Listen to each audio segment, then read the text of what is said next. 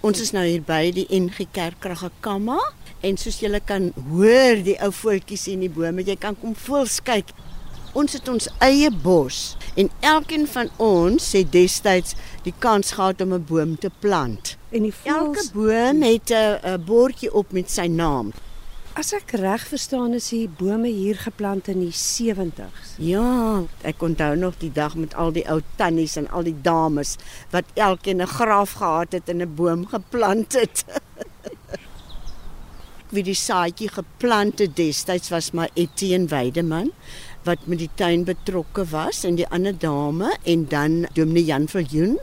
Nou is ons in ons eie inheemse bos. Hier is verskillende Etienne kan vir jou vertel. Al die soorte verskillende bome wat hier is, is te pragtig.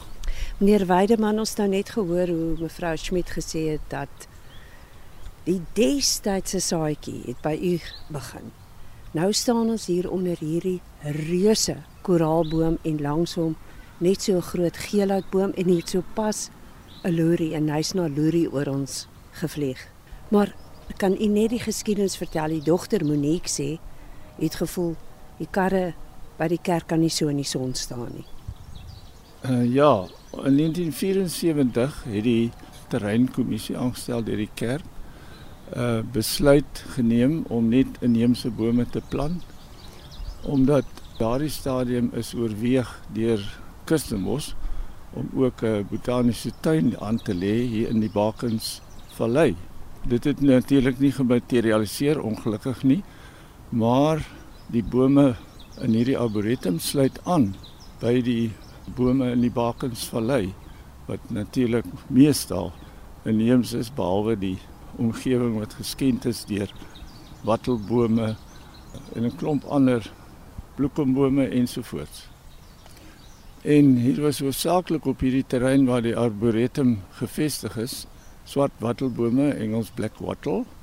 En uh, dit is gaandeweg uitgeroei en die inheemse bome aangeplant en nou is daar die versameling van 131 verskillende soorte bome hier. En dit sluit ook in alwyne en broodbome wat ook getel word as bome.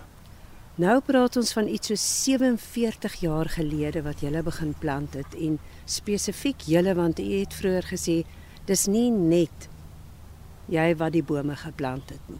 Die gemeente het saam ingespring. Ja, dis heeltemal korrek. Die dominee destyds dominee Jan Viljoen het sulke boomplant dae gehou wat dan die gemeente aangemoedig is om te kom plant.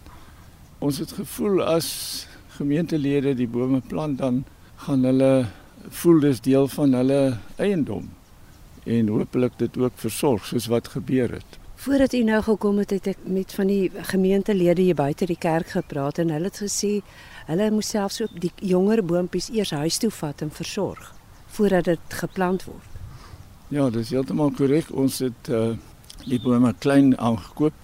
Hulle was maar so 20 cm hoog en 'n paar gemeentelede het die bome versorg by hulle huise. Ander woorde water gegee en kunsmis ensovoort. En na 18 maande het ons begin om die bome te plant. Die wortels was al reeds gevestig. Ons staan nou hier onder die blare dak.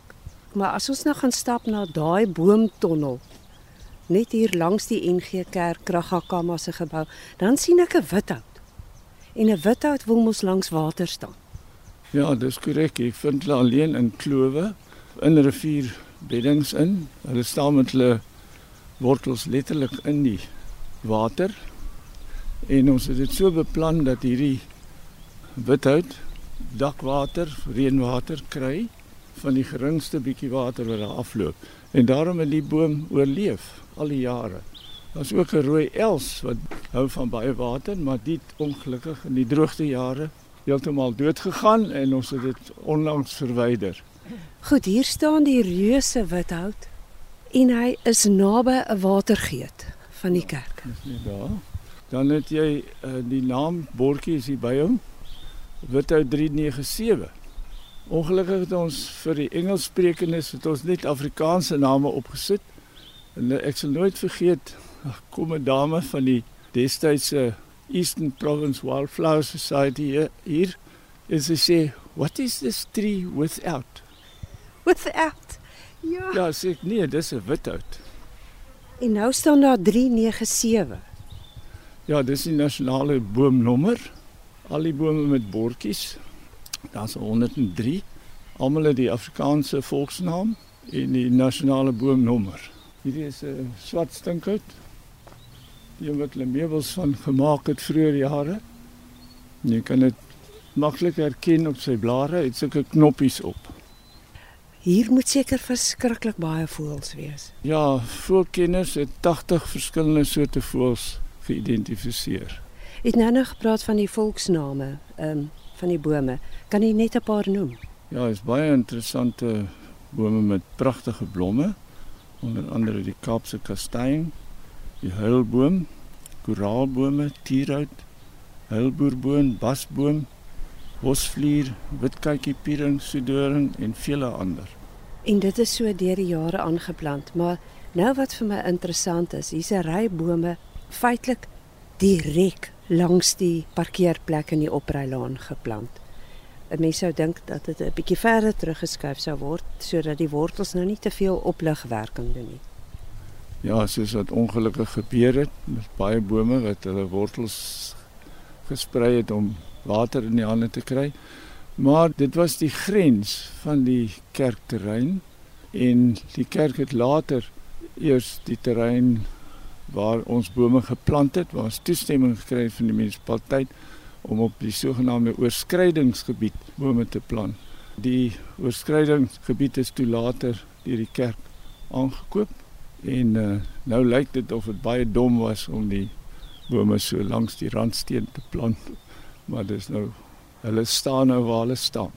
Ek bly hulle staan nog en as ek nou hier kyk na die voortrekkersentrum hier langs die kerk, dan lyk dit inderdaad asof hierdie groot uh, NG Kerk Kragakama en die voortrekkersentrum onder die bome gebou is. Dis vir my moeilik om terug te kyk en te dink 47 jaar terug was hierdie net 'n wattelbos.